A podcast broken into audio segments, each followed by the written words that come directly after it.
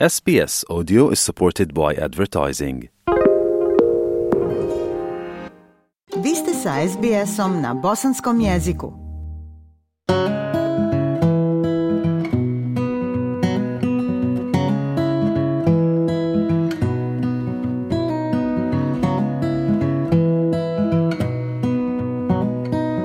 Slušate SBS program na bosanskom jeziku. U narednim minutama govorimo o nasljednom pravu u Australiju. Slijede objašnjenja vaših prava i obaveza.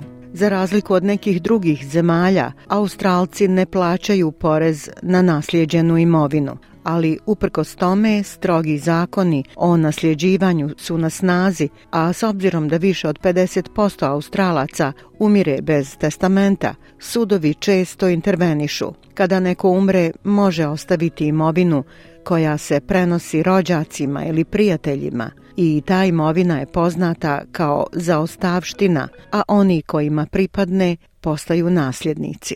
Melisa Reynolds je generalna direktorica službe za povjereničke usluge u Viktoriji. Ona objašnjava vrste imovine koju ljudi mogu naslijediti. Assets can be things of commercial value like houses or bank accounts. Imovina se može sastojati od stvari komercijalne vrijednosti kao što su kuće ili bankovni računi, automobili, dionice ili pokućstvo ali tu mogu biti i predmeti od sentimentalne vrijednosti. Imovina se može posebno pokloniti. Na primjer, dajem toj toj osobi svoje auto ili može biti zaostavština kao, na primjer, komši ostavljam iznos od 10.000 dolara. Ili općenito imovina se može cjelokupno ostaviti nekome. Na primjer, ostavljam cijelo svoje imanje svojoj djeci. Nasljeđivanje je jednostavnije kada je neko pripremio testament u kojem se navodi kako želi da se njegova imovina podijeli nakon njegove smrti. U testamentu se imenuje pravno lice poznato kao izvršitelj i ima ulogu da djeluje kao povjerenik za ostavštine. Odgovornost izvršitelja je da ispuni želju pokojnika i osigura ispunjenje svih obaveza. Izvršitelj može biti i nasljednik – Florante Abad, koji se bavi advokaturom i na Filipinima i u Australiji, kaže da u slučajevima kada izvršitelj nije određen, sudovi će možda morati intervenisati i odrediti osobu koja će podnijeti zahtjev za sudsku objeru testamenta i ta osoba se naziva povjerenik ili administrator. If there is no appointment in the will for executor, then the Supreme Court will Ako u testamentu nema imenovanja za izvršitelja, onda će Vrhovni sud imenovati podnosioca predstavke koji traži da se prijavi za taj grant, a taj podnosilac zahtjeva se naziva povjerenik ili administrator. Izvršitelj je povjerenik koji je imenovan u testamentu, a administrator je povjerenik kojeg imenuje sud, ali ne u testamentu. Ako ste imenovani kao izvršitelj ostavštine, ali smatrate da ne možete upravljati dužnostima, možete oblastiti svoje državne povjerenike da djeluju u vaše ime. Ova vladina agencija pomaže građanima u pravnim pitanjima koja se mogu javiti zbog nečije smrti.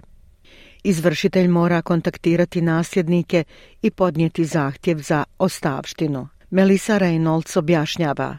Probate is a court order. Sudskom objerom testamenta se potvrđuje da je testament važeći i dozvoljava izvršitelju da upravlja zaostavštinom. Vrhovni sud evidentira svaki ovjereni testament. Možete pogledati registar sudskih potvrda Vrhovnog suda u vašem području. Međutim, često se dešava da osoba umre bez sačinjenog testamenta, a zakon mora odrediti ko će dobiti nasljedstvo, kaže Melissa Reynolds. So when a person dies without a will, this is called dying intestate. Kada osoba umre bez testamenta, to se zove nasljeđivanje bez oporuke. U svakoj državi postoji zakonom propisana formula koja precizira ko će dobiti zaostavštinu i u kojim procentima. Nemate uticaj o raspodjeli zaostavštine osoba za koju se smatra da ima najveće pravo na zaostavštinu može podnijeti zahtjev za dodjelu ostavštine ili može ovlastiti javnog povjerenika da upravlja zaostavštinom. Formula koja se koristi za raspodjelu imovine bez oporuke naziva se zakon o nasljeđivanju. Većina imovine obično ide partneru preminule osobe, a ostatak djeci zakon o nasljeđivanju Novog Južnog Velsa, na primjer, navodi članove porodice i rođake tačno po određenom redoslijedu, kaže Abad. If there is a spouse or a de facto partner and there is no children, all of it will go to the partner. Ako postoji supružnik ili de facto partner i za preminule osobe, a nema djece, sve će pripasti partneru u odsustvu partnera ili djece, onda će pripasti roditeljima. Ako nema roditelja, sve će pripasti rodbini, kao što su stričevi ujaci tetke rođaci. Ako ih nema, onda bake i djedovi. Ako ih nema, unucima. A ako nema nikog od rodbine, onda će za ostavština pripasti državi. Srećom, u Australiji ne plaćamo porez na nasljedstvo, ali postoje financijske obaveze kojih trebamo biti svjesni. Australski poreski ured primjenjuje pravila oporezivanja na nasljeđenu imovinu ako je odlučite prodati. Ovlašteni javni računovođa Ekrem Alfakri objašnjava. There's no tax consequences to the deceased estate if it was the deceased residential house. Nema poreskih obaveza za nekretninu pokojnika ako je to bila stambena kuća, ali ako postoje dvije nekretnine i jedna je iznajmljena, stambena imovina je oslobođena poreza, ali investiciona nekretnina ona bi se oporezovala na kapitalnu dobit. Porez na kapitalnu dobit se plaća kada prodajete investicionu nekretninu koja je kupljena nakon 1985. godine. Gospodin El Fakri kaže da je uobičajeni savjet da se imovina prenese na nasljednike, a ne da se prvo proda, čak i ako je plan da se imovina podijeli među članovima porodice, jer postoji period bez poreza na stambenu imovinu. You've got a two-year window to sell without incurring Imate dvogodišnji rok za prodaju bez plaćanja poreza na kapitalnu dobit ako ste nasljednik. Ali ako ga nasljednik koristi kao svoje glavno mjesto stanovanja, onda će se i taj period produžiti.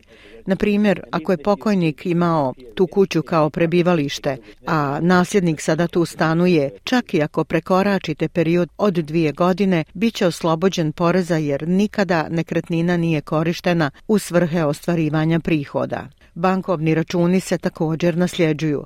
Zbog toga je važno da u svojoj poreskoj prijavi navedete sve prihode od kamate.